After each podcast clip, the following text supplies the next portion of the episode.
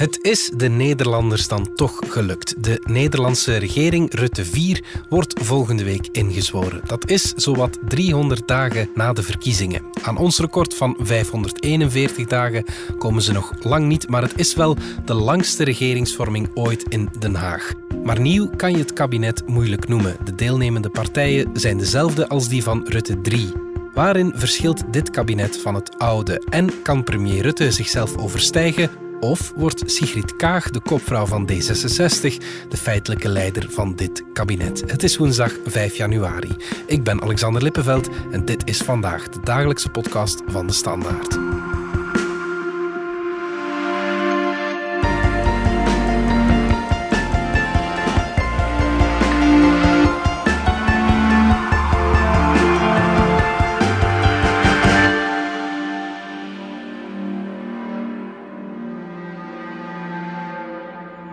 Volgens mij denkt Nederland, het heeft een jaar geduurd.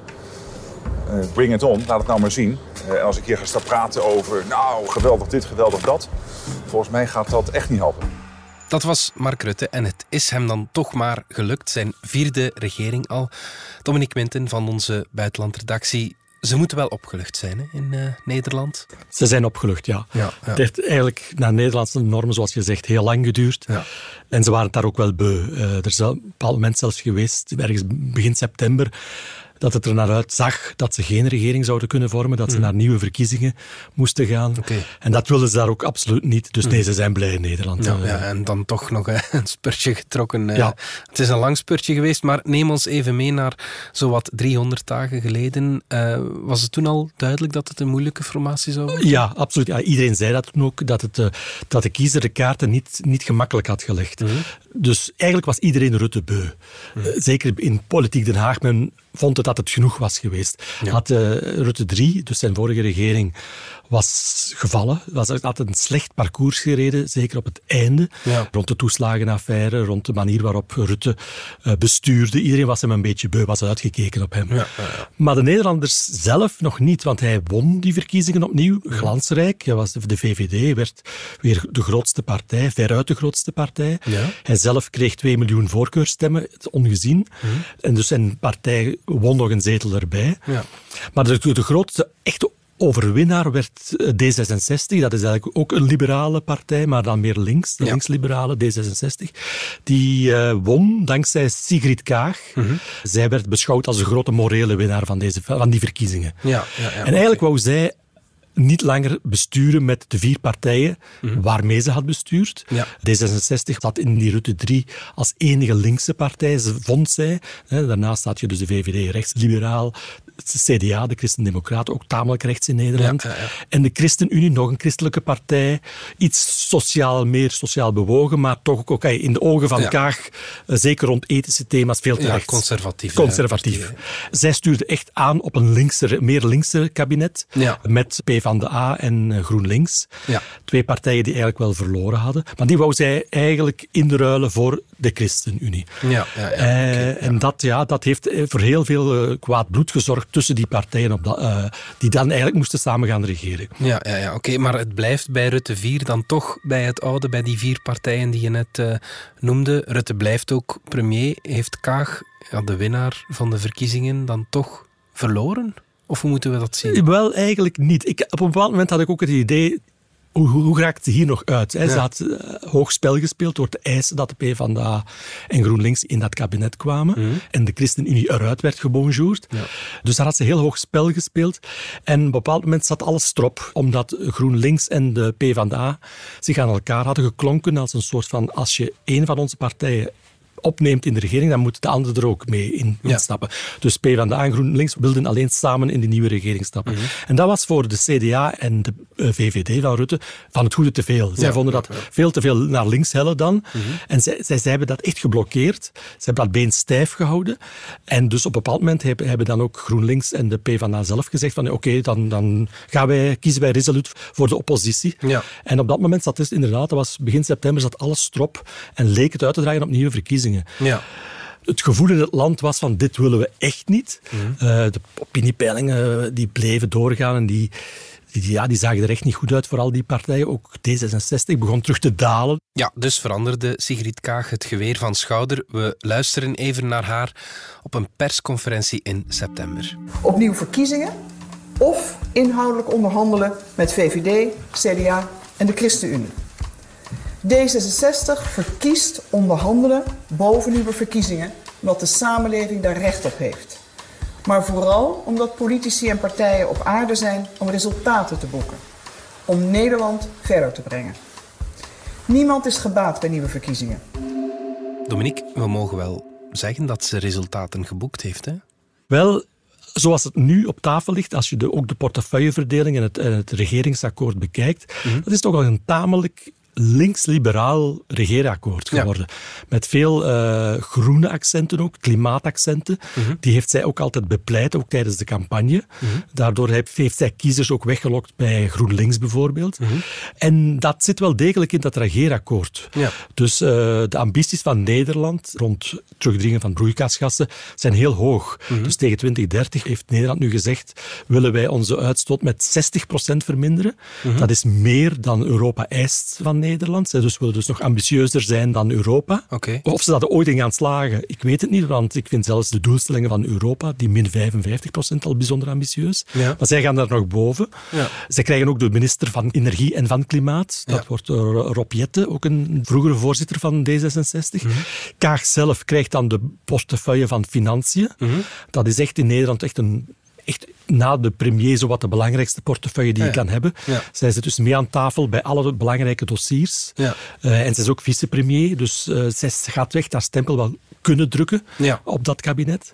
En ze hebben een paar ministers nu, D66-ministers die van buiten de politiek komen eigenlijk, maar die echt wel visibele figuren zijn in het publieke leven in Nederland. Zoals? Uh, onderwijs is een belangrijke portefeuille voor D66. Mhm. Dat gaat naar Robert Dijkgraaf. Mhm. Robert Dijkgraaf is eigenlijk echt een van de topwetenschappers, mondiaal zelfs. Ja, een fysicus, hè? Ja, natuurkundige, uh, specialist in zwarte gaten en de snaartheorie. uh, hij leidt in Amerika, hij is nu verbonden aan Princeton eh, Universiteit in, in Amerika. Dat is een van de beste, de beste universiteit ter wereld. En hij leidt daar het, een onderzoeksgroep uh, waar ook Oppenheimer en, en Einstein hebben, okay, hebben lesgegeven. Dus dat hij terugkomt naar Nederland om hier minister te worden, dat is echt wel fenomenaal. dat hij die topjob laat staan om, om, om minister te worden. Ja. dat, uh, dat is redelijk ongezien. Ja. Daarnaast komt er ook Ernst Kuipers, die zich ook eh, in uh, het publieke debat in Nederland een beetje heeft gedomineerd de voorbije jaren mm -hmm. rond corona. Mm -hmm. uh, hij is de voorzitter van de Raad van Bestuur van het Erasmus Ziekenhuis. Maar hij is ook een beetje de, de speelfiguur rond het netwerk van landelijke zorg in Nederland. Ah ja, okay, dus de, hij is een beetje Margot Kloet en... Van Zorgnet, Zorgnet Icuro, in Nederland, maar ook nog eens voorzitter van de Raad van Bestuur van een ziekenhuis. Ja, in dus één persoon. In één persoon. dus, dus hij moet nu dat coronabeleid ook gaan verder sturen. Okay, ja, ja, ja, Dus op dat vlak uh, draagt deze nieuwe regering echt wel de stempel van D66. Laat ons toch even luisteren naar Mark Rutte zelf, die zijn regeerakkoord bewierookt in een filmpje voor zijn eigen partijleden. Ja, en als je naar de inhoud kijkt, ik wat voor mij heel wezenlijk is, is dat dit een akkoord is dat zegt... we moeten Nederland voorbereiden voor de volgende generaties. En als we niet nu een paar dingen doen... dan hebben die volgende generaties niet het fundament om ook weer hun toekomst op te bouwen. En waarom is dat? Omdat er echt problemen zijn op het terrein van de woningmarkt. Zijn er genoeg huizen? Nee. Uh, klimaat. En onderwijs, waar de kwaliteit omhoog moet... maar wat ook beter moet aansluiten op de arbeidsmarkt. Uh, als we die dingen aanpakken, het geld is er, de ideeën zijn er... En dat geld is er niet omdat we zeggen, joh, we gaan lekker geld uitgeven. Maar we kunnen met behoud van solide overheidsfinanciën echt meer geld vrijmaken nu. Omdat de economie er gewoon heel goed voor staat. Een van de best draaiende economieën van de westerse wereld zijn we. Dan, uh, dan we dat in 2017 konden. Toen we nog eigenlijk vrij recent nog uit die crisis kwamen. Er is geld, zegt uh, premier Rutte. Je schreef eerder al in onze krant, Dominique, dat geld zowat ja, de smeerolie is van dit eh, kabinet. Hè? Wel, er komt heel veel geld vrij om beleid te gaan voeren. Mhm. Zoals ik al gezegd heb, ze willen een heel ambitieus klimaatbeleid gaan voeren. Daarvoor wordt er echt heel veel geld uitgetrokken. Mhm. Er komt een speciaal klimaatfonds, waar ze echt tientallen miljarden willen instoppen. Dat zijn eenmalige leningen die ze willen aangaan. Mm Zij kunnen dat ook, omdat hun, hun, hun, begrotingstekort nog altijd veel lager is dan, dan in België. Dus zij kunnen wel wat geld gaan lenen. Want ja, ze staan wel bekend als eerder zuinig. De Nederlanders. Absoluut, ja, en dat laten ze nu los. Ja, ja, dus dat laten ze nu echt wel los. De, die zuinigheid die, rond, die zeker door de vorige kabinetten Rutte is gevoerd. Zij gaan dus echt wel investeren in klimaatbeleid, maar ook in stikstofbeleid. Dus dat is een van de belangrijke dossiers die daar ook nog altijd op tafel ligt. Ja. Ook daar worden tientallen miljarden voor vrijgemaakt om boeren te gaan uitkopen eventueel. Eh, de leraars gaan beter betaald worden, gaan opslag krijgen. Er gaat veel geld naar scholen vloeien. Dus dat is ook belangrijk voor D66. Die, die hebben altijd uh, hun kiezers komen vaak uit het onderwijs. Die kunnen alleen maar blij zijn met dit soort akkoord. Ja. Dus op dat vlak maakt dat ook dat deze regering, ook al bestaat ze uit vier partijen die eigenlijk een beetje op elkaar waren uitgekeken, toch een, misschien, misschien een nieuw elan kunnen vinden. Ja, ja. Als buitenstander, als, als, als Vlaming, als je naar dit regeerakkoord kijkt, dan kan je alleen maar zeggen, maar dit is echt een ambitieus regeerakkoord. Ja, ja. Met als, als ze dat allemaal gaan uitvoeren, dan kan je maar toejuichen. Dit is, een, dit is een goed regeerakkoord. Dat is wel opvallend, hè, gezien de omstandigheden, dat ze ja, al, al met elkaar geregeerd hebben. 300 dagen onderhandelen. Meestal komt daar niet echt iets ambitieus uit, Ja, uit dat- voort. Hè. Inderdaad, dat kunnen ze dan wel. Ja. Want inder- inderdaad, dus heel die blokkage die er geweest is tijdens die regeringsvorming, had eigenlijk vooral te maken met het feit dat ze op elkaar waren uitgekeken. Mhm. Inhoudelijk waren ze het eigenlijk wel min of meer met elkaar eens. Ja. Allee, en zeker de VVD, Rutten, heeft ook wel echt wel water in zijn wijn moeten doen. Ja. Hij voelde dat ook wel aan. Als, als hij inderdaad nog eens voor de vierde keer premier Ja. wou worden, dan moest hij toch ook wel toegevingen doen en, en een ander soort van beleid gaan beginnen Het voeren. is een beetje als een, een huwelijk van 30 jaar of zoiets. Ja. En de, ja, de- dus als je het gewoon louter bekijkt, ook naar de figuren die dus in dat kabinet komen te zitten, dat zijn allemaal wel frisse figuren. Allemaal mensen die wel iets bewezen hebben. De vraag is natuurlijk... eh, Ja, Robert Dijkgraaf, eh, eminent professor. Ja. Ernst Kuipers, eminent bestuurder van, van ziekenhuizen en, en, en, en dokter. Politieke ervaring hebben zij natuurlijk niet. Ze Nee, moeten het ook nog gaan bewijzen. Hè. Ja. Maar als je gewoon naar die namen kijkt en naar hun reputatie, beter kan je niet hebben eh, als minister, denk ik dan. Hmm. Ja, ja, oké. Dus dan, eh, ja, nee, als Vlaming kunnen we daar alleen maar jaloers op zijn, op. Wat, er, wat er nu op tafel ligt. bij- En die nieuwe ploeg die, die, die Nederland nu gaat krijgen.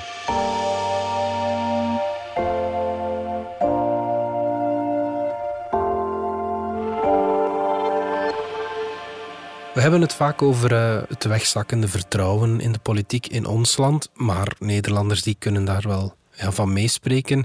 Ook daar waren eh, het voorbije weekend bijvoorbeeld heel grote betogingen tegen het coronabeleid. Dat is lang niet de eerste keer. Gaat Rutte 4, die regering, gaat die dat vertrouwen kunnen, kunnen ja, herstellen? Dat blijft de vraag. Hè.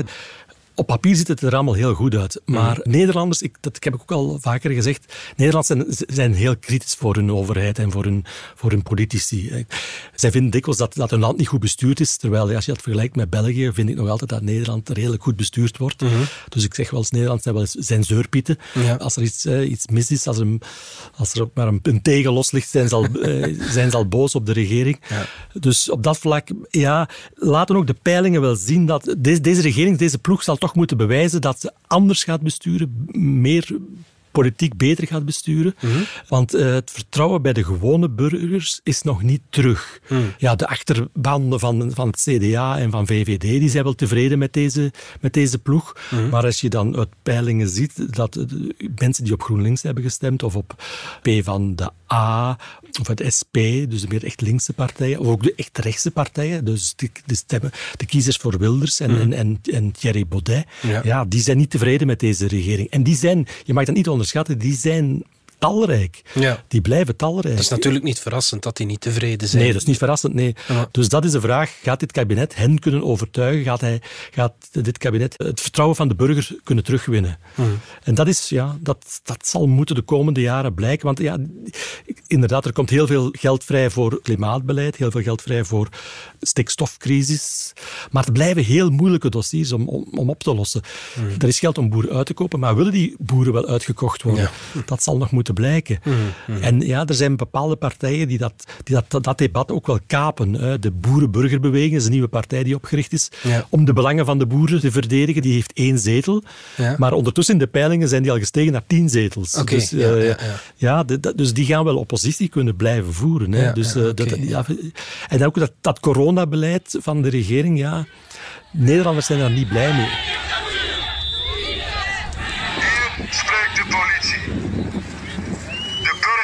heeft een notenvel afgegeven.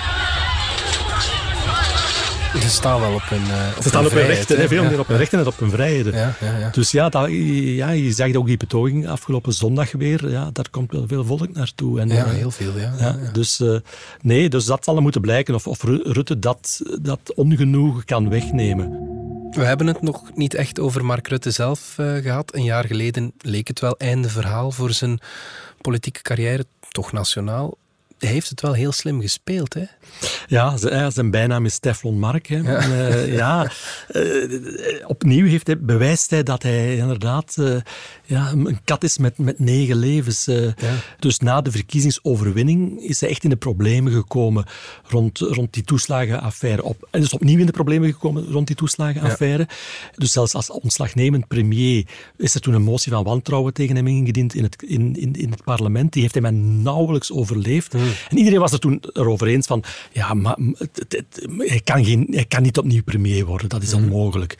Maar ja, hij, speelt dat hij heeft het inderdaad weer heel slim gespeeld. Op dat vlak blijft hij een ongelooflijk behendig politicus. Ja. Een allemansvriend ook, uh, alhoewel, ja, ik zeg het, in Den Haag zeker uh, Sigrid Kaag erg kritisch was voor hem. Ja. Maar ja, hij zal nu moeten bewijzen. Ik denk wel dat hij. Ja, zijn doel is nog altijd om in de geschiedenisboeken te komen als langst regerende Nederlandse premier. Ja. Ik denk dat hij daar nu wel in gaat slagen. Dus ergens halfweg of zelfs voor de helft van deze nieuwe regering breekt hij het record en wordt hij de langst regerende Nederlandse premier. Ja. Dus dat gaat hij waarschijnlijk wel halen, denk ik. Mhm. Eh, hij heeft ook wel slim gespeeld dat een aantal moeilijke dossiers niet bij de VVD liggen, maar bij de andere partijen in de regering. Mhm.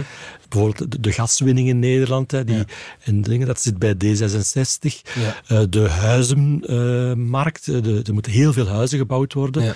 zit, bij, zit bij het CDA. Ja. Hij is dan misschien op papier wel de langstzittende premier, maar in de feiten is het misschien al Sigrid Kaag die... Dit stokje ja, moreel toch al overgenomen heeft. Ja, ik vind van wel. Zeker als je, zoals ik zei, naar het regeerakkoord kijkt, ook naar de, de, de posten, de verdeling van de portefeuilles. Mm Zij zit als vicepremier en als minister van Financiën, zit zij echt bij alle dossiers mee aan tafel. Zij gaat niet toestaan, denk ik, dat er weer in de achterkamers uh, loesje deals worden gesloten. Mhm. Dus dat kan ik me niet inbeelden dat ze dat gaat toestaan. Mhm. Dus op dat vlak zal het toch nog meer naar haar moeten luisteren. Ja, oké. Het enige wat, wat misschien wel speelt is, Sigrid Kaag is niet zo populair bij de gewone Nederlanders. Ze, mm ze komt een beetje afstandelijk over, een beetje hautain over. Mhm. Terwijl Rutte meer echt de allemansvriend is. Die ze is ook een diplomaat. Ja, ze is echt oud diplomaat. dus op dat vlak blijft Rutte wel meer de, de, de premier van de gewone Nederlander ook. van, de, van de doorsnee Nederlander. Die, vindt, uh, die vindt hem toch iets, iets dichter bij hem staan mhm. dan de oud-diplomaat Kaag. Dus op dat vlak moet Kaag ook wel uh, oppassen met wat ze doet. Maar ja, ik, ja nee, dus uh, D66 is echt wel een machtsfactor in, in deze regering. Ja, oké. Goed. Dominique Menten, dankjewel. Graag gedaan. Dit was vandaag de dagelijkse podcast van de Standaard. Bedankt voor het luisteren. Ken je trouwens DS Podcast al, de podcast-app van de Standaard? Daar luister je niet alleen naar onze journalistieke reeksen, je krijgt ook elke week een eigenhandige selectie van de beste nieuwe podcasts op de markt. Alle credits van de podcast die je net hoorde vind je op standaard.be-podcast. Reageren kan via podcast.standaard.be. Morgen zijn we opnieuw.